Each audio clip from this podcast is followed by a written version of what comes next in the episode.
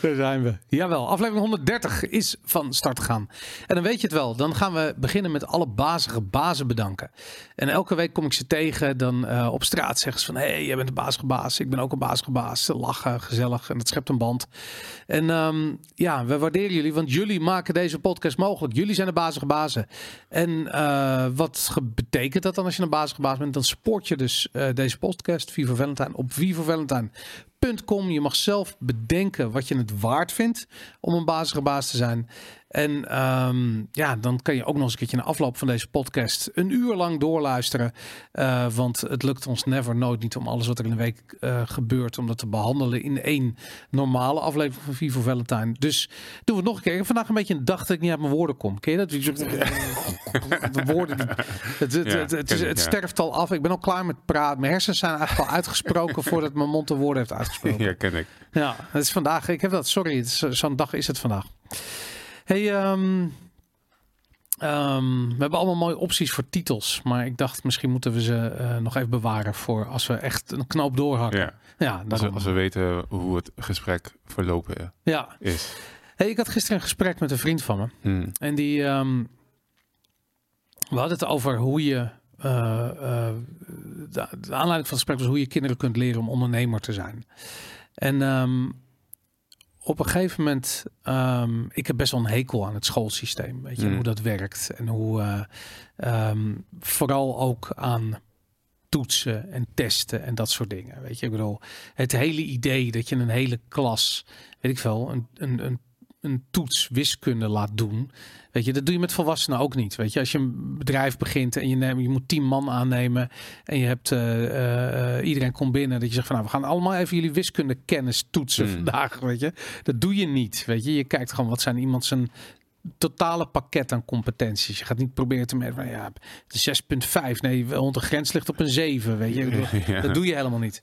En uh, met kinderen werkt hetzelfde. En toen um, zei die vriend van me zei van ja, wat, wat belangrijk is, is dat um, kinderen moeten fouten kunnen maken. Mm Weet je, het is juist die school die is er heel erg op gericht dat je dingen goed doet. Mm -hmm. Weet je, en dat je um, slaagt of succes hebt op school of zo. Weet je, terwijl dat is succes is bullshit. Weet je, het, het is een soort van de game is oneindig. Weet je, als je denkt van nou, ik heb succes gehad op school, zegt dat iets over je leven? Hmm. Nee, weet je, ik bedoel, je kunt je hele leven succes hebben en gewoon onder een bus lopen op je 65 of 64 zoals een dag voor je pensioen. Is dat succes hebben? Ja, ik weet het niet, weet je. Succes is bullshit, het bestaat niet echt. Um, wat wel heel goed kan, is falen. Dat kan heel goed, dat kan elke dag opnieuw. En um, dat succes behaal je door eerst te falen. En we hadden het daarover. En er is natuurlijk zo'n hele uh, legendarische uh, leiderschapsschrijver, communicatie. Um, um, kenner John C. Maxwell. en die heeft een aantal boeken over geschreven. Ik weet niet of je wel eens van hem gehoord hebt. Nee. nou ja, goed, hij heeft hier uh, hier zijn een aantal van die boeken, How to Lead. Uh, hij heeft ook iets van 21 lessen voor, voor leiderschap, weet ik veel. Ja. Uh, hij is zo'n bestselling author. En hij heeft het idee van failing forward heeft hij, um, mm. heeft hij bedacht. Mm -hmm. En in dat idee zit eigenlijk gevangen dat je... Um, dat wij in deze maatschappij het denken van als je faalt, dan zegt dat iets over wie we zijn. En hij zegt juist van nee, dat is helemaal niet zo. Weet je, uh, als je faalt, dan zegt dat iets over je ambities. Mm. Want je faalt voornamelijk als je te ambitieus bent. Weet je. En ik zat over na te denken en ik realiseer me gewoon van ja, dit is een thema, dit is veel groter dan ondernemerschap. Weet je, dit is, dit is het leven, dit is de politiek, dit is gewoon elke dag hoe je in het leven staat. Mm. En um, ik had zoiets van, ja, weet je, ik, ik, ik, ik dacht van, hoe, hoe, hoe loop ik er? Ik, ik ben een tijdje terug ben ik begonnen met CrossFit uh, doen. Ja, het is een hype natuurlijk. Ik snap heel veel mensen doen dat. en voor mij is CrossFit, dat, dat, is, het is een goede hype. Het is fantastisch. Heel veel reden om dat te gaan doen. Maar voor mij is dat falen. Drie keer in de week ben ik aan het falen daar, weet je. Ik haal mijn doelstellingen niet. Ik haal de WOD niet. Ik haal de, ik, echt serieus, weet je. Ik wil 80 keer optrekken aan een stang. Ik kan het misschien zes keer, weet je weet ik veel. Weet je. Dus het is gewoon, ik faal daar iedere keer weer.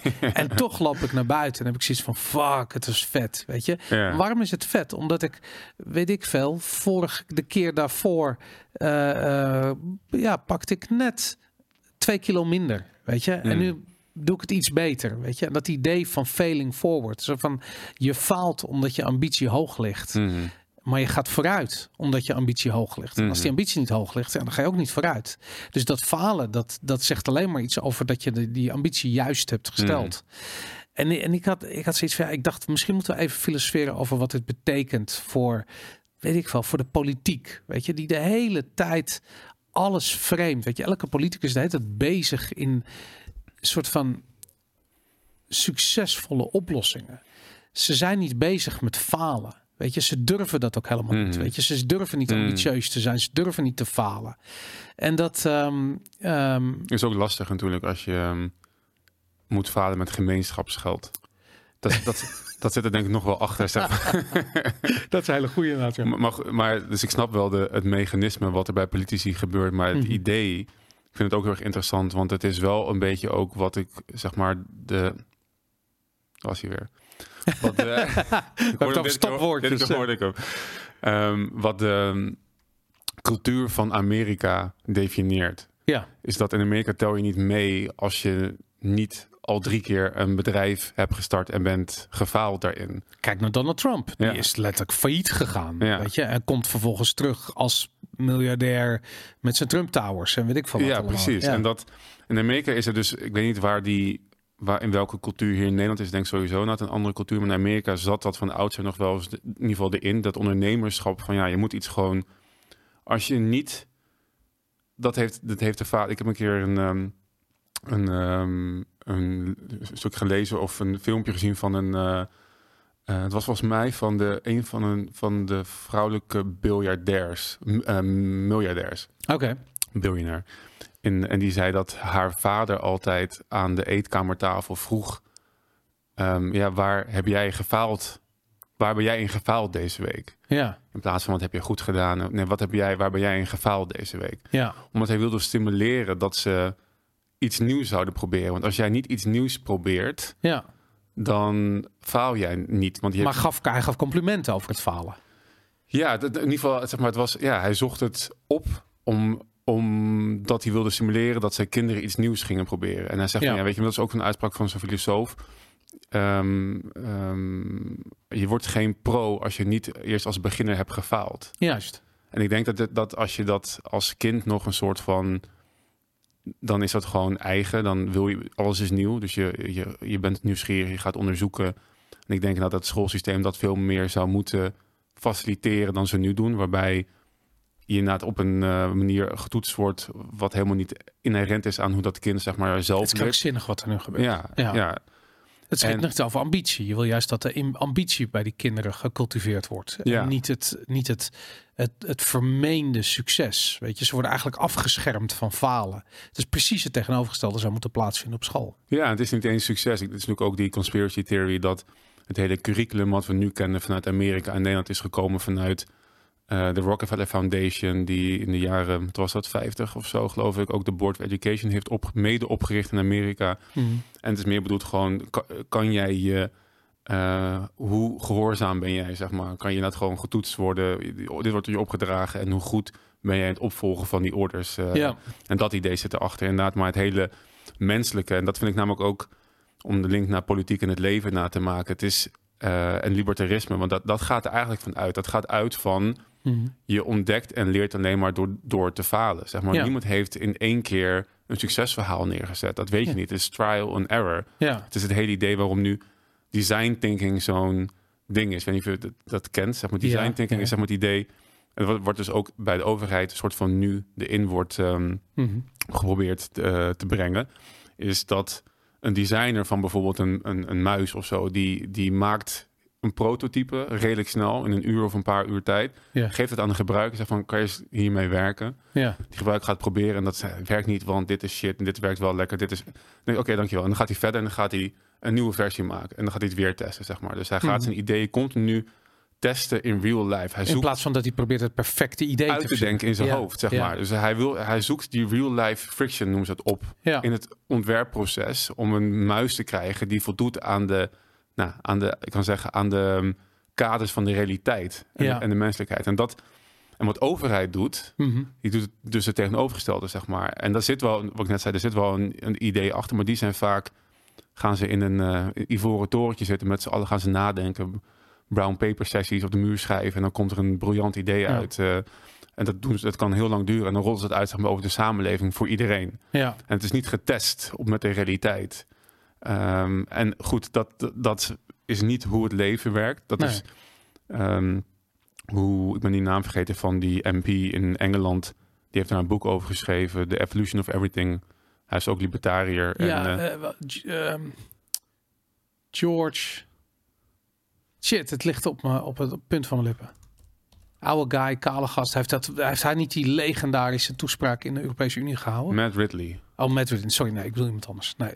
Dus die, en dat is een, een libertariër. En die zei van ja, het, het leven eigenlijk zegt hij dit: het leven is een aaneenschakeling van failing forward. Zeg maar, niemand die iets groots heeft ontdekt. Weet je, Einstein of weet ik veel, die, die is daar een soort van in één keer bijgekomen. Hè? Mensen hebben, moesten dingen testen, proberen, uitproberen, steeds weer proberen. Neem de Wright Brothers, weet je, eerste vliegtuig ging ook niet de lucht in. Ja. Duizend keer proberen. Als we waren gefaald bij de eerste poging, omdat het niet lukte, ja, dan hadden we nu niet, weet je, uh, vliegtuigen gehad. Ja. En dat idee zit zo, is zo verwoven met ons leven, met de maatschappij. Maar het interessante vind ik, want ik zat te kijken naar hoe zich dat of, of, of relateert naar, naar politiek. En ik vind um, wat ik zie bij mensen, um, die, ik, ik ga zo een paar namen noemen, maar, maar wat ik zie bij mensen die dat uitstralen. Dat mm. op het moment dat ze falen, dat ze denken van, Hmm, wat kan ik hiermee? Hmm. Weet je, wat, wat, wat, wat voor cadeautje heb ik nu weer gekregen? Die ga ik eens even vol goede moed ga ik hiermee aan de slag. Mm -hmm. Weet je, en iemand die, die dat bij uitstek doet, dat is Donald Trump. Hmm. En uh, waarschijnlijk omdat hij dat al zijn hele leven doet. Dat heeft hij waarschijnlijk als ondernemer meegekregen. Ik weet niet, whatever. Dus je ziet bij een, um, en dat vind ik heel erg van deze tijd, maar bij, bij wijze van spreken een progressieve kant, daar is falen is einde oefening. Weet je, als jij faalt uh, uh, of als failure gezien wordt door de ogen van anderen en je gaat jezelf als failure zien, dan is klaar. Dus wat je ziet aan de ene kant, vanuit de progressieve kant, proberen ze Donald Trump te, te, te betitelen als, een, uh, als iemand die gefaald heeft. Weet je, hij heeft een soort fout gemaakt of een belastingaangifte of documenten thuis opgeslagen. Weet ik, het, het. En je ziet Donald Trump die veegt het van zich af. Het is, doet er niet toe. Waarom? Want hij heeft gewoon zoiets van. Ah, interessant dat je deze kaart speelt. Dat is leuk, want ik heb deze kaart. En daar, dan doe ik dit, weet je. En, en ze hebben allemaal zoiets van, maar hoe kan het nou, weet je? Want we, we hebben je toch gecanceld nu. Je hebt toch gefaald in de ogen van de hele wereld. En de hele wereld heeft dan van, nee, hier wordt, hij wordt hier sterker van, weet je. En we hebben zo weinig mensen die overduidelijk sterker worden van, van falen. En het, het, het stomme is, ik, iemand die zegt, ik ga iets goed doen. Of sterker nog, ik ga het perfect doen. Of ik ga een probleem oplossen. Ik geloof die niet meer. Ik ben zo cynisch geworden. Mm. Ik heb gewoon zoiets van. Ik heb niemand ooit nog iets zien oplossen. Zeker niet in de politiek. Dus mm. uh, ik geloof het niet. Maar als iemand zegt van nou, weet je, ik ga gewoon keihard op mijn bek hier. Weet je, en dat uh, uh, dan heb ik zoiets van ja dat geloof ik. Weet je, omdat dat is haalbaar. Hmm. het is haalbaar om te falen. Maar dan wil ik graag, dan ga ik verder kijken. ik, waarom gaat iemand dan op zijn bek? Weet je, en uh, ik vind het ook aan bijvoorbeeld de libertariërs heel tof. Weet je, ik bedoel, iemand als uh, Tom van Lamoen, die bij ons te gast was uh, twee weken geleden, die vol overgave eigenlijk zijn verhaal vertelt. Mm. Zelfs niet uh, van zijn, uh, hoe noem je, van zijn apropos raakt als hij zichzelf helemaal klem lult met hutjes in Thailand. maar, maar eigenlijk gewoon zoiets zei van ja, dat, dat is ook iets om van te leren, weet je. Ik bedoel, je gaat, hij is nu bij heel veel podcasts te gast. Weet je, mm -hmm. je steeds terug en hij wordt ziender oger beter. Mhm. Dat is failing forward. Ja. Terwijl je ziet mensen in de comments ook zeggen van ja, maar weet je, als je wat een fout dat je dat zegt of weet je wat hard van ons dat we erom moeten lachen. Mhm. Maar aan, aan de andere kant, de andere kant van die medaille is van ga je daarmee um, ga je naar huis en denk je van kut, dit is niet voor mij, dit kan ik niet. Of heb je zoiets van, oké, okay, hier leer ik van, ik ga hier beter uitkomen. Wat hij aan het doen is. En dat een libertariër bijvoorbeeld zegt van ja, ik ga niet gekozen worden, want libertariërs gaan niet stemmen. Dus dat is een beetje een probleem. Maakt niet uit, weet je. Die failure heb je, yeah. maar wat ga je ermee doen, weet je. En Mm. dat is, ik vind dat zo charmant. En ik heb zoiets van ja, daar, daar begint ook uh, de waarheid. Weet je, waarheidsontdekking is een, natuurlijk een groot filosofisch probleem. Weet je, bestaat de waarheid dat is, überhaupt dat, wel. Maar... Dat is filosofie. Ja, precies, inderdaad. Ja. Weet je, dus waar, waar, begin je? Maar ik, ik heb gewoon zoiets van, nou, je begint in ieder geval met, met de dingen die het meest aannemelijk zijn. En dat je, als je iets probeert, dat er het risico is dat je faalt, dat erkennen is, eh, eh, ja, daar kan ik niks aan op afdingen. Hmm. Weet je, dat is waarom sport mooi is. Mensen die toch slagen, ondanks de dat de kans dat ze falen groter is, bij wijze van spreken. En dat in ondernemerschap heb ik hetzelfde, in de politiek heb ik dat ook. En dan moet je in Nederland kijken, weet je. Ik wil die gasten die nu in de, eh, eh, weet ik van het kabinet zitten. Wat een, wat een sukkels dat allemaal zijn. Weet je? Mensen die, die niet durven te falen, die eigenlijk niks durven te doen. Het alleen maar miserig doen ze.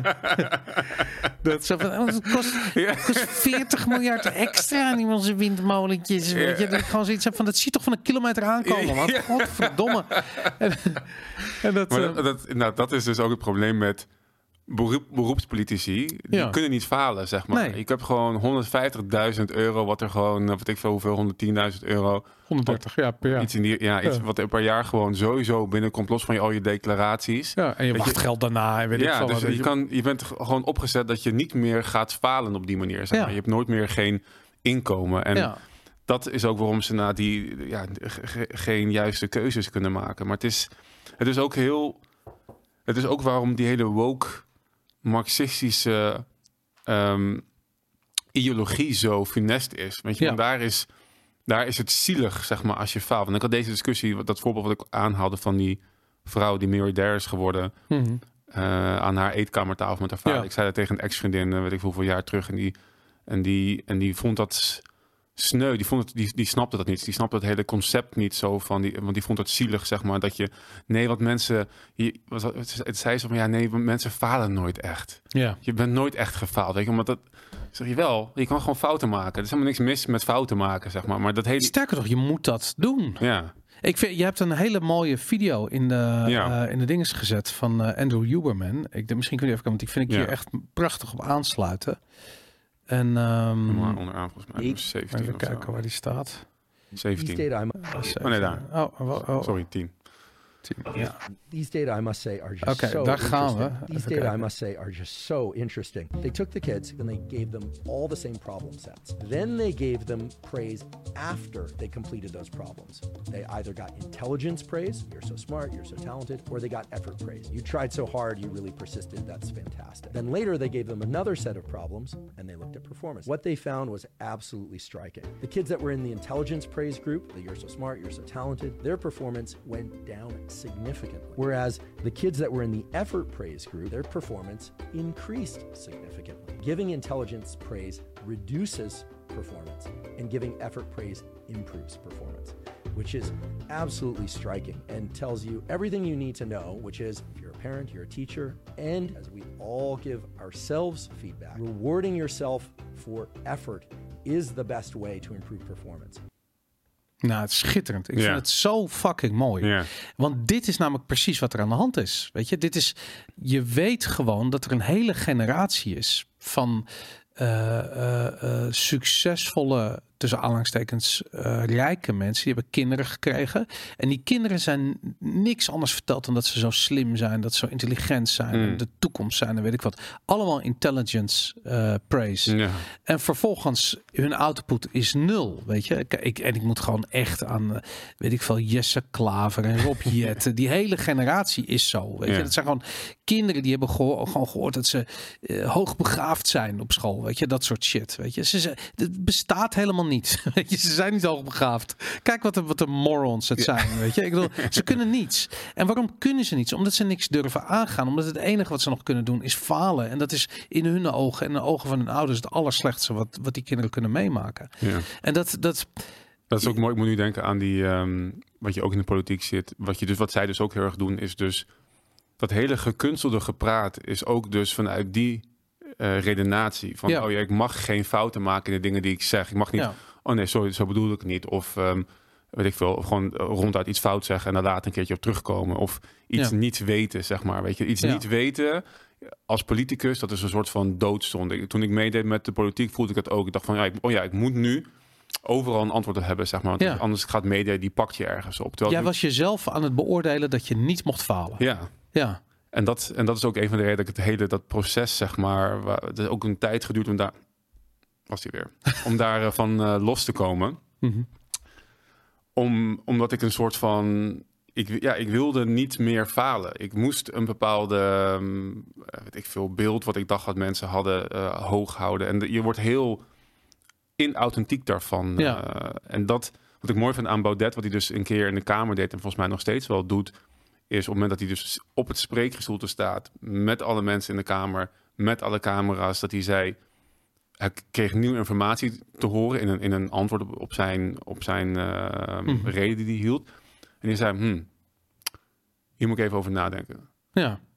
En hij kwam er niet, ging er niet direct zeg maar, op reageren of tegenin. Of zo van, oh, dit is nieuws. Heel veel mensen die dat doen, die krijgen een nieuwe informatie. En je ziet aan hun hoofd van, kut, hier heb ik niet over nagedacht. Ik ga nu snel iets aan mijn hoge hoed trekken, zeg maar. Ja. Je ziet dat mensen gewoon doen. Als Dat zie je Rutte doen, non-stop. Ja. Ja, die gaat gewoon, die gaat, die, die wiezelt zichzelf overal omheen als hij maar niet de verantwoordelijkheid hoeft te nemen, en, en want dan faalt hij. Ja, Ja, en dat, eh, dus dat, en dat is, dat is heel mooi aan ja, wat Baudet die dat zo deed. En ik denk dat het ook heel maakt je heel menselijk, want niemand heeft de wijsheid in pacht en iedereen moet het op een je het, op proef proefondervindelijke wijze allemaal maar eh, Ja. gaan ervaren. Nou, en dat is het mooie, want dat vind ik eh, niet alleen Baudet, maar ik moet zeggen dat hebben zij bij Forum sowieso mee met hun. Weet je, dat vind ik van, eh, van Houwelingen, dat vind ik van, van Meijeren en Baudet zelf heeft dat ook heel erg.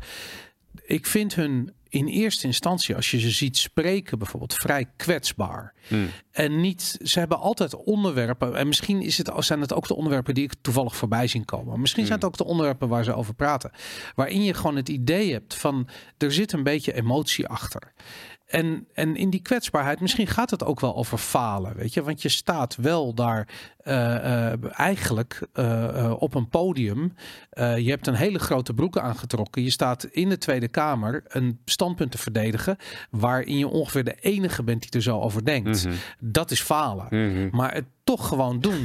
Ja. Maar het grappige is dat die kwetsbaarheid die dat met zich meebrengt, namelijk weten dat je op je bek kunt gaan daar, of eigenlijk weten dat dat zelfs gaat gebeuren in de ogen van velen, het toch doen, eh, daarin zit heel veel kracht. Mhm. En dat vind ik super mooi, weet je. Dat is gewoon dat, dat ja, weet je, ik bedoel, zelfs als je, het is dat David tegen Goliath idee, weet je, niet omdat je nou denkt van David gaat, die maakt een goede kans tegen Goliath. Nee, maar als het maar vaak genoeg voorkomt, op een gegeven moment win je. Mhm. Omdat je het gewoon de oefening, oefening baart kunst, weet je. En je ambitie moet, moet zo groot zijn dat je je niet uit het veld laat slaan door, eh, door, een- door, door een beetje falen. Hmm. Zoiets, zoiets eh, eh, niet zeggends als falen. Hmm. Weet je, een beetje dat idee.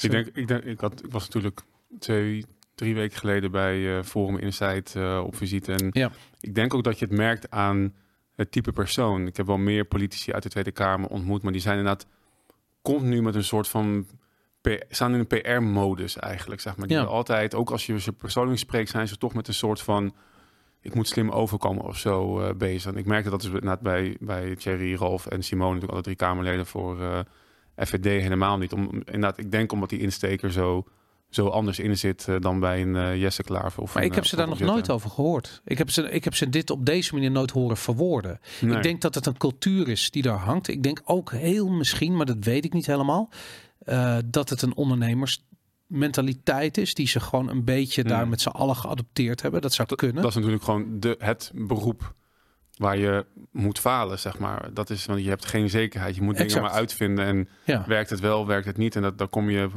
steeds meer achter. En je eh. staat altijd op achterstand. Want Ja. je wordt aan alle kanten, eh, eh, weet je, je moet je personeel betalen en de belastingdienst betalen. En iedereen staat met zijn hand op en jij moet het gaan verdienen. Weet je, het is heel lastig. Dat is gewoon klaar om te falen. En Ja. dan doe je het. En dan heb je zoiets van, ah, nog een keertje. Want nu, nu ga ik meer dit doen. Nu ga ik het meer zo doen. Weet ik veel. En dat, ja.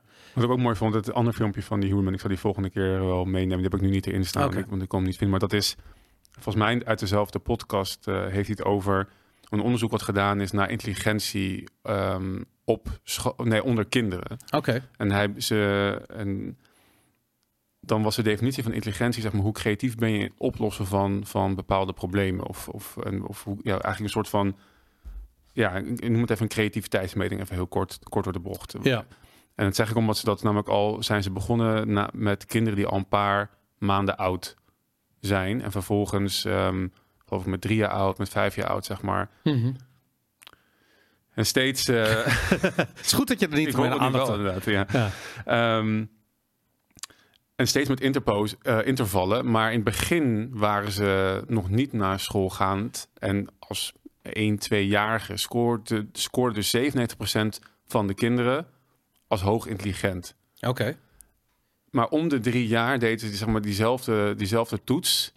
En ging het van 97 naar iets van naar 60, naar, naar, naar, wat was het, naar 30. En uiteindelijk, Ja. einde schoolperiode, was er zeg maar, nog maar 3% van de mensen die ja. hoogbegaafd, wat nu ook gewoon de verdeling is, zeg maar, in, ehm, Bizar, hè? in de intelligentiequota die je ziet. Ja. eh. en dat komt dus, nou, klaarblijkelijk gewoon door school. Door het feit dat je wordt ge, ge- beloond als je goede toets haalt. Wat dus intelligence praise is. In plaats van dat je voor je inzet wordt beloond. En je kan misschien die mensen denken, ja, hier kan je natuurlijk ook in doorgaan. Maar dat is ook een beetje wat de, wat de left woke mob wil. Zeg maar van, ja, Ja. iedereen is gelijk. Mag niet, weet je, dus wat, wat, je, wat je... ehm, wat je inzet ook is, je haalt altijd zeg maar een, ehm, een, een, een, een zes of een zeven of zo, iets in die Ja. richting.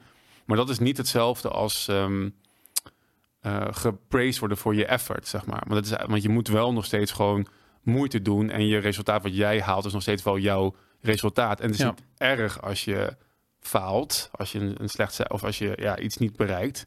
Maar het is zelfs dat, dat je dat moet zeggen. Het is niet erg dat je faalt. En ik hoor het mezelf bij wijze van spreken zeggen, Ja. weet je, want het, het ligt, het is zo makkelijk gezegd. Maar het is, eh, het is, als je dat moet zeggen, is het blijkbaar wel erg.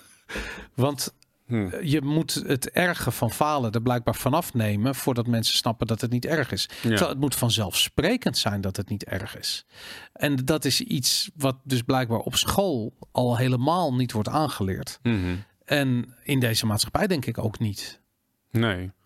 Nee, ik zit te denken, is het erg? Ik zo- je gaat toch ook niet zeggen, het is niet erg dat jij eh, eh, een 9 hebt gehaald. Dat ga je toch ook niet Ja. zeggen? Ja, precies. Ja, Zo van, nou, ik ben thuis, ik heb een heel goed rapport gehad, ik heb een 9 gehad voor wiskunde. Oh, dat is niet erg. Ja, ja. het zou wel mooi zijn. Ja, maar het is hetzelfde. Want het is, een, het is in de ogen van iedereen een goede prestatie. Daar ga je toch niet van zeggen dat het erg is. Maar je kan wel zeggen, het is niet erg dat je gefaald hebt. Daar zit hetzelfde waardeoordeel in. Dus wat je eigenlijk zegt als je zegt, het is niet erg dat je gefaald hebt, is dat je zegt van het is Het is wel erg, erg, dat je gefaald hebt. Maar misschien is het ook, het is erg. Het is erg, eh, maar je gaat niet dood of zo. Zoiets is het dan. Of wat is dan? Ja, maar dat, dat, is, dat is gaslighting. Het gaslighting. Dat ga je nou weer krijgen. Ja, nee, me echt wel. Nee, maar, maar dat is. Nee, maar ik denk, eh, de, de, die hele communicatie moet niet draaien om, eh, eh, om het, afstompen, het verzachten. Het moet draaien om de focus leggen op wat belangrijk is. De Ja. effort is belangrijk geweest. Geweldig dat je die effort in hebt gestoken. Dus als iemand zegt van ik heb een 9 gehad, geweldig dat je de effort in hebt gestoken. Iemand Ja. zegt ik heb een 3 gehad, geweldig dat je de effort er in ieder geval in hebt gestoken. Ja, precies. Misschien moet je niet eens in ieder geval zeggen. Gewoon geweldig dat je de effort in hebt gestoken. Ja, het is lastig omdat ik dus ook zit met van... Ik wil niet dat alle uitkomsten gelijk behandeld worden, zeg maar. Dat, dat zo van, zolang je maar een goede effort hebt, hebt gepleegd... Ja. doet de uitkomst er niet toe, zeg maar. Die kant wil ik ook niet op gaan. Ja. Dat is, dat is de, wat, wat, wat, wat marxisme, zeg maar, is. Je- Iedereen Ja. is gewoon gelijk... Ja. eh, ehm, ongeacht je effort eigenlijk. Ehm, of misschien, ja, dat, en dan kom je dus allemaal op een zes uit of zo, weet ik veel wat. En dat, die kant is ook niet wat werkt voor mensen. Dat, dan, dan ga je ook niet meer die effort. Je moet wel nog steeds de vruchten kunnen plukken van je eigen effort of, of, of slechte effort. En, en soms heb jij alles gegeven wat er is Mhm. en red je het niet. En dan ja, is het goed dat je het wel gepro- dat je het geprobeerd hebt. ben je maar- ambitieus genoeg geweest in Ja. ieder geval. Dat is, dat het ding. Ik, ik, ik heb ze, als ik aan mijn eigen schooltijd denk, ik had, al, ik had op een gegeven moment, ik, ik was vrij slecht in natuurkunde. En het was echt een belangrijk vak. En ik zat op eh, echt zo'n zo'n ja, zo'n elitaire kutschool, weet je. En het niveau lag best wel hoog. En eh, toen had ik me op laten sluiten. Of ik had me, eh, ik had me verstopt in het kantoor van de natuurkunde leraar. Die had de sleutel op slot gedraaid. Ik heb er heel lang gezeten. Maar ik had alle proefwerken voor de rest van het jaar uit zijn kast gevist. en ehm, eh, nou goed, toen had ik dus Goeie effort. die- Dat was een goede. En, maar dat heb ik dus ook altijd. Soort van, het was. Ik heb daarna gewoon de rest van het jaar ouder te bloeien. Ik had er drieën en opeens waren het negens en negen en halve. en niemand die daar iets van opkeek, die had zoiets van, nou, dan heb je dus heel erg goed je. Met andere woorden, het enige wat telt waren die kutcijfers. Ja. Weet je? Ik bedoel, je kon waarschijnlijk, lijkt mij, van een kilometer afstand zien dat ik die stof niet begreep. Ja. Maar dat ik wel de goede antwoorden kon reproduceren op een, eh, eh, op, op- bij een proefwerk. En, en ik heb dan zoiets zo van, ja, weet je, er werd niet verder gekeken dan die cijfers. Maar als ik naar mezelf kijk, had ik echt zoiets van, ik, ik was best wel trots op mezelf, weet je. En, en andere kids in de klas ook, die, die van mij de proefwerken kregen. Dan was iets van, ja, dat is tof, weet je. En dat, Dat je een eh, hoog cijfer kreeg. ja, iedereen kreeg een hoog cijfer die, dat, die ze van tevoren had. Dus dat was hartstikke leuk, weet je. En ik had allemaal dat soort dingen. Ik weet dat we op een gegeven moment hadden we, ehm, hadden we een Duits leraar. En die, ehm, dus ik kreeg een proefwerken Duits. En die zei van, elk eh Duits gedicht wat jullie opschrijven, aan, als je nog tijd over hebt tijdens je proefwerk, dat is één punt waard. Dus als je dat en als je dat foutloos opschrijft, weet je, er mogen geen spelfouten in. Gewoon een heel Duits gedicht moet je opschrijven. En dat mag je zelf bedenken? Of dat Nee, dat was een, was een, je moest ze uit zijn hoofd leren. weet je, van die, van die Mackie Messer-achtige shit. De Lorelei en dat soort shit. Ik ken het allemaal nog. Dus ik had zoiets van, ah top man, dat is fantastisch. Dus ik deed, eh, eh, nam gewoon een stapel briefpapier mee naar huis. Schreef thuis gewoon tien gedichten op. En had- viste ze ongezien uit mijn tas en leverde ze in. En dan, en dan heb ik echt zoiets van, het ligt zo voor de hand. Als je mij dat vraagt, dat ik dat, dat iedereen zal de weg van de minste weerstand Ja. kiezen. En ehm, omdat die focus op die cijfers ligt, krijg je dat soort uitkomsten. Weet je, want als het doel is om een hoog cijfer te halen, dan ga je proberen een hoog cijfer te halen met de minste weerstand. Als het doel is om maximaal effort in iets te steken, dan moet je dat op een andere manier zien te cultiveren. En Hmm. dat is bijvoorbeeld iets wat je in sport heel erg hebt. Weet je, je kunt op een bepaalde manier vals spelen in sport door, weet ik veel, doping te gebruiken of weet ik wat. En of nou ja, goed, er zijn allerlei dingen waarop er vals wordt. Maar waar je niet vals kunt spelen is als je tegen jezelf speelt. Weet je, dus als je een, ehm, eh, weet ik veel, als jij een, een, een ambitieus doel hebt om te behalen en je haalt het niet, nou ja, goed, dat is duidelijk. Weet je, je, je hebt je ambitie hoog gelegd, je hebt de effort erin gestoken en je weet prima of je dat wel of niet eh, alles eruit hebt gehaald, weet je, en hoe je dan daaromheen moet gaan. En voor je het weet ben je aan het nadenken over trainingsschema's en voedingsschema's en hoe kan ik dat doel wel behalen, want dat is hoe de mens werkt. Je gaat een creatieve oplossing Hmm. zoeken naar je doel. En, en op school, ja, die creatieve oplossingen, die waren altijd, weet je, ik wil tegenwoordig bellen ze de politie als je een proefwerk van tevoren hebt. Eh, weet je, ik bedoel, dat is toch, eh, ja, dat is raar, weet je, terwijl dat is zo menselijk. Ja, ik denk dat... Ik heb zelf dat, het idee dat hoe ouder ik word, hoe minder ik geneigd ben om te willen falen. Ja, Ik heb het idee dat soort van de drempel nog, nog hoger is worden. Ik ben natuurlijk ook onlangs met eh, mobility begonnen en dat ziet er niet uit, zeg maar. Ik ben niet mobiel. dat hele mobiele mensen in die klas eh, eh, zitten, maar ook, ik ben ook best wel op, op latere leeftijd, zeg maar, ehm, eh, gaan dansen. Dat is helemaal iets wat heel erg, zo- zeg maar, zichtbaar is als je dat niet goed... eh, dat je niet mobiel bent. Nee, dat je niet kan dansen, zeg maar. Als je of Ja. niet op, op, op, op een lesmanier kan dansen. Dat, Ik vind het grappig, we hebben, we hebben een, een, een YouTube-kanaal van, van Vivo Valentine natuurlijk. ja. En eh, eh, soms check ik bepaalde shit, omdat ik weet van dat zit in de, in de Google-algoritme. En dan, dan zie ik al van die dansvideo's. Ja, ja, precies. Ik even mijn huiswerk aan het doen eh, voor de Kizomba-les. eh. Maar dat, eh, ik, je voelt... Ik voel alsof het minder... Als je op een bepaalde plek bent gekomen... dat je soort van minder...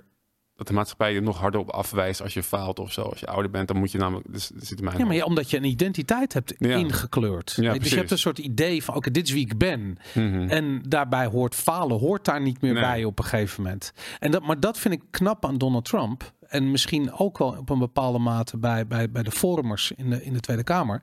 Dat dat, als je dat falen op een of andere manier kunt, kunt herverpakken en presenteren als succes. Dat is wel, dat, Mhm. is, dat is knap. Dat is een, dat is een fantastische goocheltruc die je Mhm. kunt toepassen. Dat is echt een, een, een- manier om het hele systeem te omzeilen. Ja, ik denk en ook dat het geen truc is, maar het is juist Ja. bij de essentie blijven, bij jezelf blijven, bij de menselijkheid blijven. En daarom glijdt alles van je af. Want ook op het moment dat jij jezelf bent, dan doet er niks toe, zeg maar. Zijn, vaak zijn kritiek dingen, dat zijn, die doen ook pas ehm, pijn als iemand, als, als je het zelf denkt, als je er zelf in gaat geloven, zeg maar. Iemand Ja. die, die mij ergens van beticht, waarvan ik denk van ja, het is echt totaal niet waar, dat doet me Hm. echt helemaal niks. Ja, Maar als iemand iets zegt wat een beetje in de buurt ligt van wat ik, waar ik zelf bewust of onbewust ook al over twijfel, dan word ik geïrriteerd of boos of, en dan ga ik terug, terugslaan. Dus als jij menselijk blijft en durft te falen en daar, en daar kritiek over krijgt, denk ik van ja, maar dit is gewoon wie ik ben. Dus wat, Ja. ik kan moeilijk niet mezelf zijn in, in het leven, zeg maar. Dan, daar, daar leef je niet voor. ja. Dus dat, ik denk, het- is geen truc, maar het is juist in de essentie zo sterk staan dat het, dat het gewoon niet boeit. Ja. Ja, dat inderdaad. Maar dat betekent ook dat je identiteit dus een echte identiteit is. Ja. En ik vind het leuke dat ik heel veel politici zie. En die hoef je maar één keer te zien om te weten dat een identiteit niet echt is. Het is niet gebaseerd op behaalde resultaten. Ja. Het is niet gebaseerd op geleden leed. Weet je, ik bedoel, het is niet gebaseerd op bloed, zweet en tranen. Weet je, waar, waar dit hele land is gebouwd op bloed, zweet en tranen. En dat is nu, dat is weg. Weet je, ik bedoel, we hebben nu een generatie aan, aan ja, aan mensen die aan de touwtjes trekken, die gewoon niet eens weten wat dat is. Weet je, die niet bloed, zweet en tranen hebben meegemaakt. Maar dat is zo mooi aan deze tijd. Want ik heb het idee dat dat nu de botsing is die we met de Ja. realiteit die we voor onze ogen zien. De reden dat men zo gedesillusioneerd is in, met de politiek, met de media, met eh, de farmaceutische industrie, weet ik veel wat. Noem maar even alle, alle instituties op het Ja. onderwijs. Allemaal instituties die ze openlijk falen. Maar niet, de, maar, niet, om, maar niet de effort hebben gedaan. Weet je, niet, niet dat proberen te presenteren alsof het, alsof het succes is. succesverhaal. Ja. Terwijl dat niet is. Nee. Terwijl ik zoiets van, als je faalt, faal dan. Zeg Ja. het dan, doe het dan. Weet je, maar dat doen ze niet. Want dan hadden we misschien wel een werkend vaccin gehad... waar je niet dood van ging drie boosters. precies. Ja, maar, ja, en dat, maar dat vind ik zo mooi, want mensen zijn dus wel, zijn het wel zat. Ze zien dat niet meer zitten. En ze zijn, ja, en ik denk dus dat dat, dat, dat je noemde net een paar mensen op die dat falen al eh, wat meer hebben omarmd. Maar ik denk dat ook als je kijkt bijvoorbeeld waarom podcasts denk ik steeds populair zijn of een versus tv, om tv is natuurlijk ook zo gescript dat er nul fout in zit. Je neemt Ja. het op, gaat het fout, en neemt het opnieuw op. Je zet alle dingen die niet gefaald zijn, zeker naast elkaar. En als het een live show is, dan moet je het van tevoren nog eventjes oefenen met elkaar. Zeg maar een hele generale repetitie. En dan doe je het pas. Het is, er mag nul falen in voorkomen. En mensen trekken dat niet meer. En bij een podcast is het anders, want je doet dat niet. De meeste podcasts, dat neem je op. Mensen zeggen wat ze denken. Het zit vol met fouten. Ja. En, ja, denk en mensen zeggen, ja, maar die mensen zijn tenminste wel gewoon eh, zichzelf. En dat is, en, en, eh, dat is meer waard dan het hele gescripte wat je zeg maar overal Ja. voorbij ziet komen. Ja, nou, absoluut. Ik vind ook de. ehm, ik, ik weet je, ik wou, wou een soort brug maken naar de situatie in, in Israël en, en, en Gaza. Maar ik vind ook de. ehm, alles wat ik daarvoor voorbij zie komen, zijn een soort van. ehm, weet je, alsof je daar succes kunt halen. Alsof je dat Hmm. kunt oplossen. Alsof je kunt.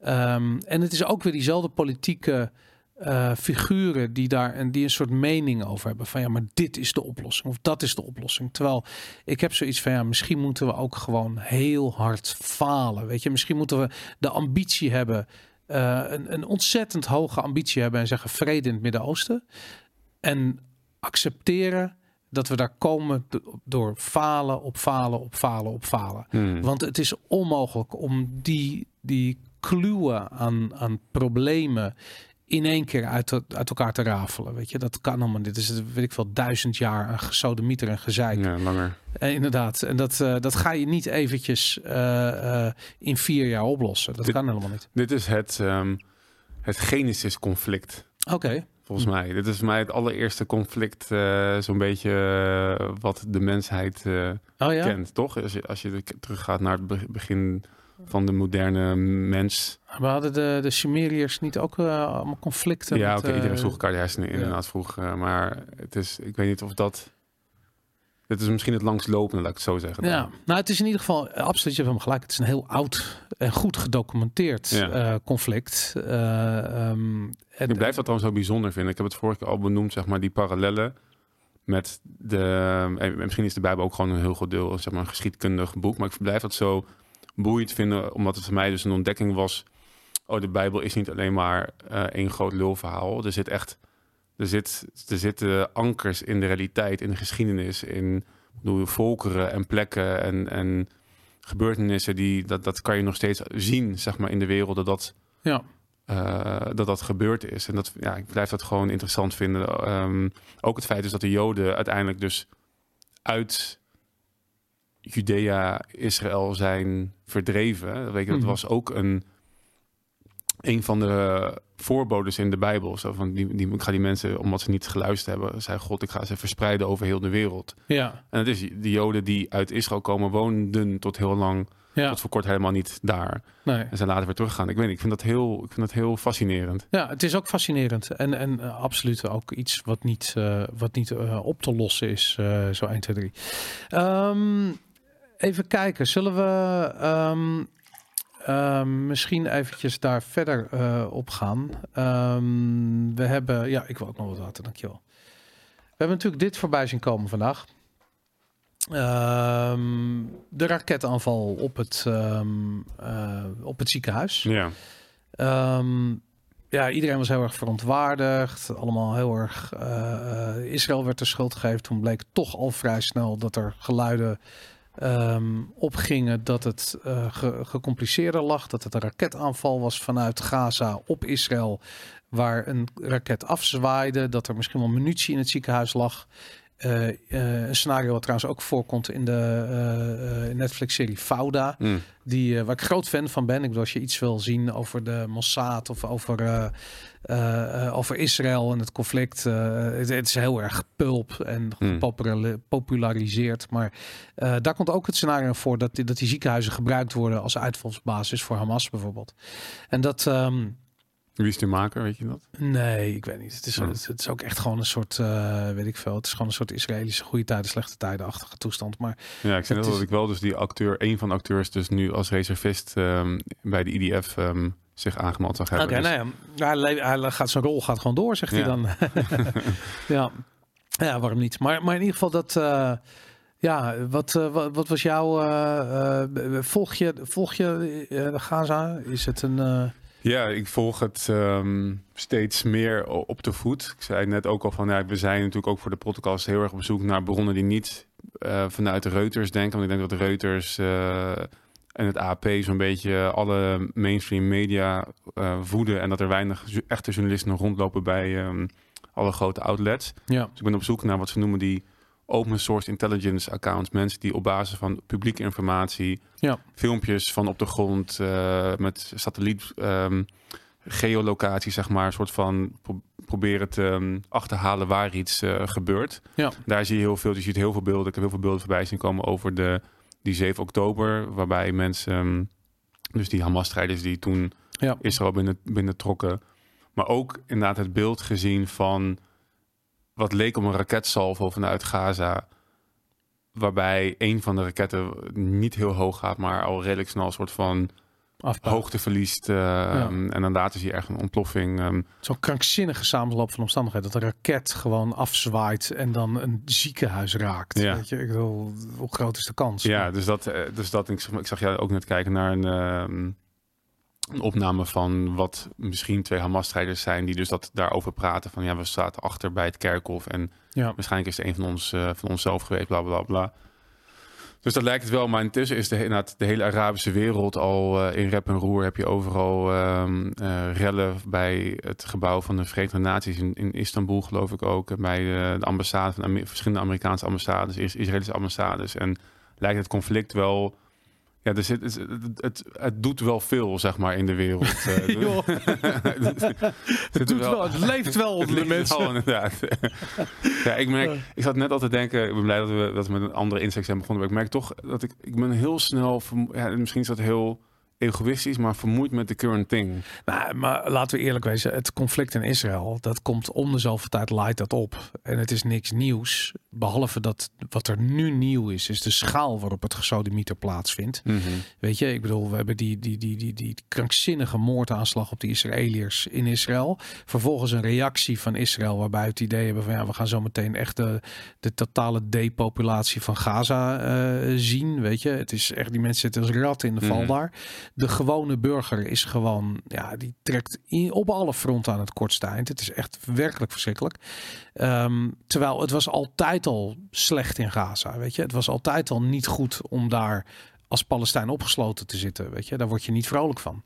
En nu, ehm, Ja, dat is eigenlijk alleen maar, uh, dat wordt alleen maar erger. Het is pijnlijk. Ik heb ook daarnaast nog het idee van ja, er, er is een, er speelt een grotere agenda. Mm -hmm. uh, we hebben het vorige week ook gehad uh, over dat artikel dat er gas was gevonden voor de kust van Gaza. Wat ook altijd een mooie alibi is voor westerse landen om daar gesodemieten te beginnen. Te beginnen. Ja, inderdaad, ja. landen te bevrijden tussen aanhalingstekens. Um, maar er is ook nog dat die, die Wesley Clark 7, weet je, die uitspraak van, van generaal Wesley Clark, die zei uh, net na uh, 11 september, die gaf toen een interview en die zei van ja, er is iets groters aan de hand. We gaan zeven landen in zeven jaar of zeven landen in vijf jaar binnenvallen. En Iran stond bijna bovenaan het lijstje. Het is nooit gebeurd, maar hij is nooit van het lijstje gegaan, weet je. Dus Iran is gewoon nog staat op de nominatie om uh, binnengevallen te worden door Amerika. En mm -hmm. Ja, ik weet het niet. Ik, ik heb aan de andere kant ook zoiets van ja, een land, uh, weet je, Amerika, wat uh, er economisch gezien zo slecht voor staat. Weet je, ze hebben nu ongeveer uh, 6 biljard, dus 6 triljoen dollars per jaar wordt er toegevoegd aan het begrotingstekort daar.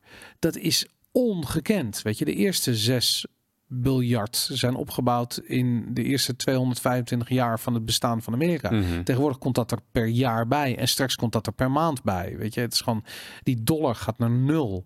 Maar heb je het interview gezien met Janet Yellen? Ja, die zegt we can afford another war. Ja, die, die, ja. die, die interviewer zei precies hetzelfde. Van ja, fiscaal gezien staan we er in Amerika slechter voor, of net zo slecht voor als tijdens Ja. de Tweede Wereldoorlog. Uh-huh.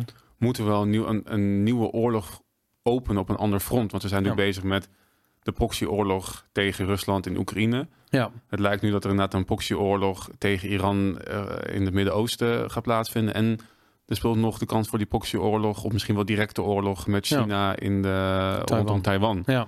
En toen zei ze inderdaad van, we zijn economisch gezien super sterk. Inderdaad, fiscaal gezien bo- boeit allemaal geen... Er is geen geen recessie, er is geen inflatie. Nee. Nee, en, en op zich is het nog wel grappig dat ze die twee dingen lostrekt. Want inderdaad, hoe het economisch gaat met het land zelf is wat anders dan hoe het met de staat gaat. Dus misschien is die opmerking op zich nog wel terecht dat het economisch op een bepaalde manier niet zo slecht gaat als met, dat het met de staat gaat, fiscaal gezien. Want dat is Ja. inderdaad allerslecht. Ja. Maar goed, dat moet niet de reden zijn dat je eh, inderdaad zo meteen 1 miljard per dag bij gaat drukken. Wat volgens mij wel een beetje de, het tempo is. Maar ze zijn in ieder geval niet... ehm, Amerika als staat zou het heel veel... En, en de mensen ook zou het heel veel ehm, kwaad doen.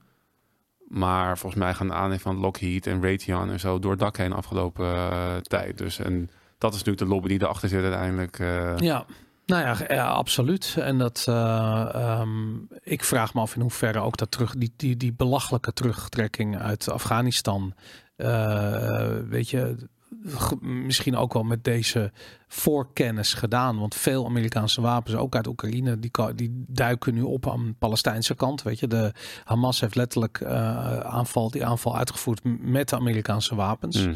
Ehm, ja, hoe komen die dingen daar? Te belachelijk voor woorden. Maar als je erover nadenkt, ISIS is ook opgestaan met eh, eh, eigenlijk voortbordurend op de Amerikaanse of het Amerikaanse materiaal wat achtergelaten was in Libië. Mhm. En dat het is iets wat ze gewoon steeds opnieuw doen. Weet je, Dus eerst bewapenen ze gewoon een, een, een, een groepering. Om vervolgens, eh, dan komt er een, een, een, een, een, een of andere aanslag of iets, of er gebeurt wat, gesodemieter. En dan, ehm, ja, dan is het op en dan hebben ze een vijand gecreëerd. Maar bij Hamas is het ook zo. En ik heb hem niet helemaal voorbereid voor deze. Maar een van mijn favoriete kanalen, ook de Nieuwe Atlas. Ja, Die de oorlog in Oekraïne op de voet volgt. Maar dus nu ook het Israël-Palestina conflict. ja, Die legt in zijn vorige aflevering ook uit hoe dat... ehm, hoe Hamas is ontstaan. Zeg maar vanuit voor mij ook de Muslim Brotherhood in Egypte. Maar hij leidt het weer terug dus naar ook weer geld vanuit Amerika. En het 100% Want ze, eh, Israël, ik heb een heel artikel erover gehad. Israël was zo bang voor de opkomst van Yasser Arafat en de PLO. Hmm. Dat ze dachten van we moeten een concurrent in het leven zetten. En we spelen ze tegen elkaar uit. En dat Ja. was Hamas. Ja, precies. Dus eh, er, is, er zijn voorbeelden dat de, eh, de directeur van de Mossad in Qatar met de emir van Qatar eh, eh, overleg heeft gevoerd. Oh, en eh, Qatar gevraagd heeft om een financiële support som van 100 miljoen dollar per jaar aan Hamas niet stop te zetten. Nou, dit- Wanneer was dat? Ja, recent 2017 of twee, Ah, niet, niet al te lang geleden. Ja. En waarom? Gewoon omdat het ook een politieke speler is die uiteindelijk meespeelt in het grote toneelstuk waarin de grotere belangen ogenschijnlijk of tenminste de grotere belangen anders zijn dan wat ze ogenschijnlijk lijken. Mhm. En dat is, dat is hier ook aan de hand, weet je. Er is, Hamas dient gewoon een doel. Ze zijn gewoon een, een, een act, act- ze zijn een groep acteurs in een soort tragicomedie die we hier zien. En die we al sinds 11 september is dit circus aan de hand, weet je. En wordt het opgevoerd. En Mhm. steeds weer nieuwe, nieuwe spelers en een nieuw hoofdstuk. Het stopt niet. Het lijkt goede tijden, slechte tijden wel. Met, met als nadeel dat er heel veel mensen sterven. Maar dat, eh, Ik vraag me af hoe het afgaat als, ehm, als Israël nu wel die grondoorlog gaat eh, beginnen. Dat is nog iets wat in ieder geval op het moment van opnemen niet gebeurd is. Ze staan een soort van aan de grens in het noorden om met tanks en wat ik wel wat voor materiaal allemaal ja, natuurlijk. eh, Gaza binnen te Amerikaanse trekken. vliegtuigschepen erbij. Dat gaat escaleren als een gek. Maar wat ik benieuwd ben, we hadden een tijdje geleden over de, de kosten zeg maar, voor het verdedigen van een libertaire samenleving die zeg maar, zelf bewapend is. Ja, En ik zag ook een filmpje voorbij komen van wapens die in beslag waren genomen door de mensen die dus de grens over waren gestoken. ja. En dan zag je inderdaad echt een hele hoop antitankwapens en, eh, en machinegeweren. En ik heb ook een Ja. filmpje gezien voorbij zien komen al van een tank die door een, ze dachten Iraanse antitankwapen, zeg maar, ehm eh, ongedaan, hoe noem je dat? Ehm, Onklaargemaakt. onklaargemaakt, eh, is. Mhm. En ik kan me indenken, gezien de schaal wat zij ehm, hebben aan voorbereiding hebben en wat ze uit hebben gericht op die 7 oktober, ja. kan ik me indenken dat Israël niet heel erg grappig is om daarheen te gaan, omdat er wellicht heel veel van die wapens daar. Maar dat is Nu- 100%. Maar dat is waarom ze het zo groot insteken. Daarom zeggen ze ook van we gaan eh eh, Gaza-stad ontruimen. Iedereen moet weg. Ze gaan het gewoon plat bulldozeren. Ja. Want als je namelijk deur tot deur moet gaan, Ja, het wordt dat- een bloedbad. Ja, weet je, ik bedoel, dat, dat wordt ongekend. Dus dat, eh, want je kunt helemaal niks, weet je. Ik bedoel, als jij een kamer binnen, je kunt best wel met, met weet ik veel, special forces en dan die kamer dit en dat. Maar dat kan niet in een stad, weet je. Dat kan, je kunt, weet ik veel. Ik bedoel, Nederland heeft volgens mij twee of drie van die special forces eenheden. Weet je, er zitten wat bij, bij Marsov en, en het DSI en weet ik veel. Maar ik bedoel, niet genoeg om een stad in te nemen. Weet je, die kunnen een actie in een gebouw of, of, of in een kamer of weet ik veel iets. Daar kunnen ze iets in betekenen, maar, maar niet in, in een huis. nee. Maar, maar er zijn ook in Israël, er zijn niet genoeg soldaten om deur tot deur eh, eh, die, die, die, ja, die, die stad eh, leeg te vegen. Mhm. Gaat gewoon niet gebeuren. Mhm. Dus dat, ja, dan, dan moet je dat op een andere manier doen. Ja, wat ze van plan zijn is gewoon letterlijk bulldozeren. Gewoon Ja. hop, weet je, die, die alles plat bombarderen. Ja, ik denk dat dat het plan is. Ja. Maar moet je nagaan hoe boos iedereen nu al is eh, over dat ziekenhuisverhaal. Weet je wat er gebeurt zometeen als, eh, eh, als Israël dat begint? En die begint gewoon systematisch Gaza-stad af te breken. Waar nog bewoners gaan zitten in de huizen. En, eh, en, en gijzelnemers. En, en gijzelaar, met hun gijzelaars.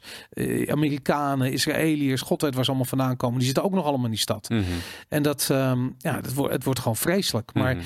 dus de woede in het Midden-Oosten gaat echt oorverdovend zijn. Mhm. Nou, en wat je dan gaat krijgen, sowieso Hezbollah door Iran gesteund. Maar ik denk eerlijk gezegd, Iran ja, ook misschien wel, weet je. Misschien, eh, weet je, hoe voor de hand liggend. Ik bedoel, als de Amerikanen actief zijn in Oekraïne om tegen de Russen te vechten, denk je niet dat er niet Iraanse special forces van de revolutionaire garde eh, actief zijn in Libanon om eh, Israël binnen te vallen? Mhm. Natuurlijk gebeurt dat. Ja, ze hebben natuurlijk ook gezegd, uiteindelijk is hebben ze dat weer een beetje verzacht. Maar de eerste instantie zei Iran op het moment dat Israël de Gazastrook binnen, binnentreedt, dan, Ja, dan gaan wij ook in actie komen of iets in die richting. Ja maar het was wel Hezbollah dan. eh, Dat was wel via Iran Hezbollah. zelf, toch? Dat Ja, Iran nee, zelf dat denk ik niet. Nee, Ja, dat- volgens mij wel. Maar, dat is, Ja. maar en later, later backtrackten ze weer op hun, eh, op hun woorden. Maar terecht, want ik denk, en dat vind ik ook interessant, er zijn pro-Israël demonstraties van Iraniërs. Er zijn ook die beelden opgedoken van het voetbalstadion, waar eh, de, de- echt zo'n stadion aan het juichen of aan het, aan het zingen is. Van steek die eh, Hamas-vlag maar in je reet. Dat, dat is dan ongeveer de vertaling daarvan. Waarom? Omdat eh, in Iran woedt ook een hevige strijd door aan de ene kant de, de overheid eh, die autoritair is en geen ruimte laat voor vrijheid. Weet je, ik bedoel, de, we zien vrouwen in elkaar geslagen worden, zien worden op straat omdat ze een, een rok boven hun knie komt of weet ik veel wat. Of dat ze laatst weer een meisje die geen hoofddoek droeg of weet Hmm. ik het. Weet je, het vreselijk. Ehm, en we hebben natuurlijk net die grote uh, protesten gehad aan de hand van de dood van, die, uh, van het meisje, Ja. wat dan door die zedenpolitie zou zijn aangepakt. En dat, uh, dus uh, ik denk dat een hele grote uh, beweging in Iran zich bewust is van het gevaar wat het land loopt. En het is nu niet goed, want je hebt te maken met een totalitaire overheid. Maar het alternatief, als Amerika langskomt, is dat je Irak krijgt. En dan gaat Iran gaat gewoon terug naar de middeleeuwen, want dat is in Irak ook gebeurd. En dat. Um, ik denk dat ze dat weten. En dat is daarom zoiets van, van ja, je kunt Hamas steunen. Mhm. Maar wat je eigenlijk steunt, is gewoon de agenda uh, van Amerika en Israël om Iran plat te bombarderen. Ik denk niet helemaal dat dat uh, het doel is wat veel Iraniërs voor ogen hebben. Nee, ik hoop het. Ik hoop dat mensen ook de agenda doorhebben. Wat ik, wat ik zelf ook lastig vind steeds om te, um, om te doorzien. Helemaal in de tijd van Photoshop en AI. En ik had, ik weet niet of jij, ik had een, um, ja. ik had een foto van, uh, die was nummer drie, die was gedeeld door Ben Shapiro. Ja. Die zei van, wil je bewijs hebben van de, de wandaden van, van, van IS? En sorry voor de mensen die dat misschien niet wilden zien, maar dit, dit is dus een foto van een, een, een verbrand babylijk. Het is niet, niet echt dus, ja. Nou ja, wat het ding is, dus um, de vervolgens kwam bij nummer, uh, de volgende... Um, dit zou dan het echte plaatje zijn. Iemand deelde een foto van een website waarbij je deze foto zag. Ja. Um, en zei van die vorige, um, de AI-checker zegt dat het niet echt was. Dit is de originele foto. Ja. Maar volgens een paar dagen later ging ik verder kijken. En hm. nu, volgens mij was het eerste beeld dus wel echt. Oh. En is dit, is dit de fake? Oh ja, maar als je dit door, want ik heb dit door de AI-checker gehaald en dan zegt hij dat het echt is. Oh, ik heb het ook gedaan. Bij mij zei dat niet. Oh ja? Ja. Oh, interessant. Heel interessant. Ik dacht van nu ga ik het, ik dacht ook, dan ga ik het nu zelf bekijken. En ja. beide foto's, dus deze foto's die ik net heb gescreenshot en er doorheen gegooid. Uh, ja. En hij, vond het lastig. Daarna ging, heb je, ook een, je hebt ook een Photoshop detector, maar dan moet je iets meer uh, technisch onderlegd voor zijn om dat te kunnen lezen. Die snapte ik niet. Oké. Okay. Maar ik dacht van ja, misschien is het geen AI, maar is het Photoshop wel. Maar dat is dus ja. die informatieoorlog is natuurlijk al wat heel lang gaande is, maar wordt steeds ingewikkelder door ja. Photoshop en AI. En ik weet dus ook niet meer wat. Uh, ik weet het ook niet meer wat waar is. En nee, waar is. maar ik denk dat dat de juiste uh, conclusie is. Van, van, van ik weet ook niet wat waar is. Weet je, ik bedoel, niemand weet wat waar is. En dat. Uh, um, ja, weet ja, je, misschien is het toegeven van dat falen wel een belangrijk uh, punt. Maar, maar dat is het ding, weet je. We falen hierin, weet je. Ons, ons mediabeleid faalt, uh, social media faalt. Uh, en aan de andere kant, dit is wat het altijd geweest is, weet je. Ik bedoel, nu heb je uh, foto's waarvan je niet meer weet wat er echt is of het niet is. En vroeger waren het verhalen, weet je. Ik bedoel, dan kreeg, heb je het al gehoord, ja, weet je. Ja. De, de, uh, ik, ik had het documentaire over de Tweede Ja. Wereldoorlog gezien... waarin de Franse legertop... dus toen de Duitsers uh, België binnenvielen in de Tweede Wereldoorlog... toen wilde de Franse legertop wilde dat niet geloven. En het bizarre is, Frankrijk was militair superieur op dat ogenblik. En die hadden de, de uh, artilleriekracht om die. De, die hadden de, de, Tweede Wereldoorlog gewoon kunnen voorkomen. Als ze hadden geloofd dat de Duitsers uh, waren binnengevallen. Hmm. En ze geloofden het gewoon niet. Hmm. En ik bedoel, daar ga je, weet je. Ik bedoel, fake nieuws is van alle, van alle tijden. Ja. En, het, en toen had je geen internet om dat te controleren. En, dat, en nu heb je wel internet, maar dan is het... Ja. Moet je maar weten of het een echt beeld is of een nepbeeld. Ja. En je hebt toch ook die, dat verhaal van die... Ik ben even zijn naam kwijt, maar er is een Russische... Uh, was een Russische uh, defensiemedewerker, die, of een soldaat... en die was verantwoordelijk voor het inknop, indrukken van de rode knop. Dus zodra er een alarm afging dat er Amerikanen een raketaanval uitvoerden... dan zei hij de atoomknop indrukken en automatisch de, uh, de tegenaanval inzetten. Hmm. En hij kreeg melding van uh, uh, raketten die op Rusland afkwamen. En hij zei, ja, ik geloof het niet. En hij heeft niet die knop ingedrukt. En uiteindelijk bleek het een soort reflectie van de zon op iets te zijn. Een soort weereffect. Hmm. Waardoor, die, uh, waardoor het leek alsof het een raketaanval was. Hmm. En hij heeft nooit de erkenning gekregen. Nee, die, die, held. hij is een held. Hij Ja. heeft 100 miljoen doden heeft hij voorkomen. Ja. En um, ja, hij heeft dat gewoon... Um, hij is sterker nog, hij heeft heel veel gezeik gehad daarmee, want hij heeft zich niet aan het protocol gehouden. Mm. Dus dat, uh, het is dubbel, ja. Ik, Mm.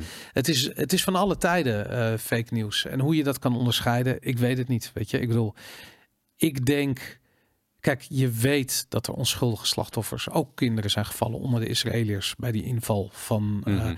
Ik weet, ik geloof het verhaal van de 40 onthoofde baby's, geloof ik bijvoorbeeld niet. Ja, maar dus dat hebben ze ook geretract. Ja, toch? Dat was, ja. was een, de, inderdaad. Eh, dat, en, maar ik had het ook gelijk al. Ik had zoiets van, dit klinkt als het confeuze baby verhaal. Ja, ja, precies. Weet je, en, en ehm, ja, ik denk dat het, dat het altijd zo zal zijn. En ik denk dat je gewoon ehm, hier, je kunt alleen maar proberen terughoudend te zijn en te wachten totdat er meer informatie komt. Ja. En um, ja, één zo'n foto, ik, ik, ik weet het niet. Dat, uh, ik geloof er niet echt in. Nee. Ik heb nog interessante, misschien even de... Ik vond deze mooi. Ja. Dit is uh, uh, jouw uh, strategy of tension. Ik weet niet waarom het ook de Italiaanse vertaling erbij staat. Ja, voor mij is het daar voor het eerst gebruikt. Oh ja, strategia della tensione. Ja. Mooi hoor. Ja, dat, is, dat was van de nieuwe Atlas dus. Ik ben even vergeten hoe die guy heet, ook weer die dat presenteert. Maar die ja. deed dus ook een analyse over Israël en geloofde ook vrij weinig van het officiële verhaal vrij snel. Ja. Ging dus vertellen over de oorsprong van Hamas en dat soort organisaties en hoe ze gebruikt zijn, voornamelijk door Amerika. Hij ziet echt, dat was zijn conclusie. Ja. Hij ziet Amerika als aanstichter van heel veel van dit kwaad over heel de wereld via Ja. allerlei proxy-organisaties zoals Hamas, Maar, zoals IS. maar zoals- dan moet je uitzoomen dus. Ja. En maar- nou, waarom, waarom heeft Amerika Hamas gecreëerd? Ja, dat, ja, daarom zei ik van, ik had het moeten, ik, ik had niet plan om het nu te bespreken. Ik, moet het, ik ga het voor een volgende keer opzoeken. Wat nou, hij heeft een hele goede, hij heeft twee hele goede podcasts gemaakt over van twee uur lang. eh, ehm, ik ga, ik ga een volgende keer ga ik die voorbereiden en dan zal ik de snippets eruit halen voor de, voor de uitzending. Ik weet niet meer waarom, wat daarachter zat eh, precies. Mhm. Maar hij kwam met het idee van de strategy of tension. Dat dat iets wat overheden gebruiken om in constante staat van paraatheid te zijn. En de noodzaak van een overheid en politiek te benadrukken. Op het moment dat er veel onrust en chaos is, dan, dan willen mensen een sterke overheid hebben die ingrijpt. Ja, En dat is iets wat al heel oud is. Wat, ehm voor mij vertelde hij ook dat, dat, dat in Romeins tijd is dat ze het al deden, zeg maar, dat ze barbaren inhuurden, zeg maar, om, om mensen zeg maar, te terroriseren en vervolgens dan een, een beetje een sterkere staat daar neer te zetten. En dat, ja. nou, in Italië is dat dus gebeurd, maar hij zegt Amerika en heel veel andere westerse landen, misschien wel alle staten, is dat gewoon een, is dat gewoon een soort van ja. eigenschap van een staat. Je moet Ik vind het interessant. crisis creëren, zodat, je, zodat mensen een sterke staat willen hebben en ze dus voor jou gaan eh, meer, over, meer belasting met wat allemaal eh, Maar ik, vind, krijgen. ik, ik heb ook echt van, als je die, eh, die aanslag die in Brussel plaatsvond van de week, Mhm. die twee voetbalsupporters die werden doodgeschoten, dan het eerste wat je hoort is dan van, eh, eh, die man werd al gevolgd, had al een strafblad. Eh, ze wisten al dat hij wat uitgespookt had in Tunesië. Ze wisten alles, maar hij is niet uitgezet, want ze wisten zijn, zijn woon- en verblijfplaats niet.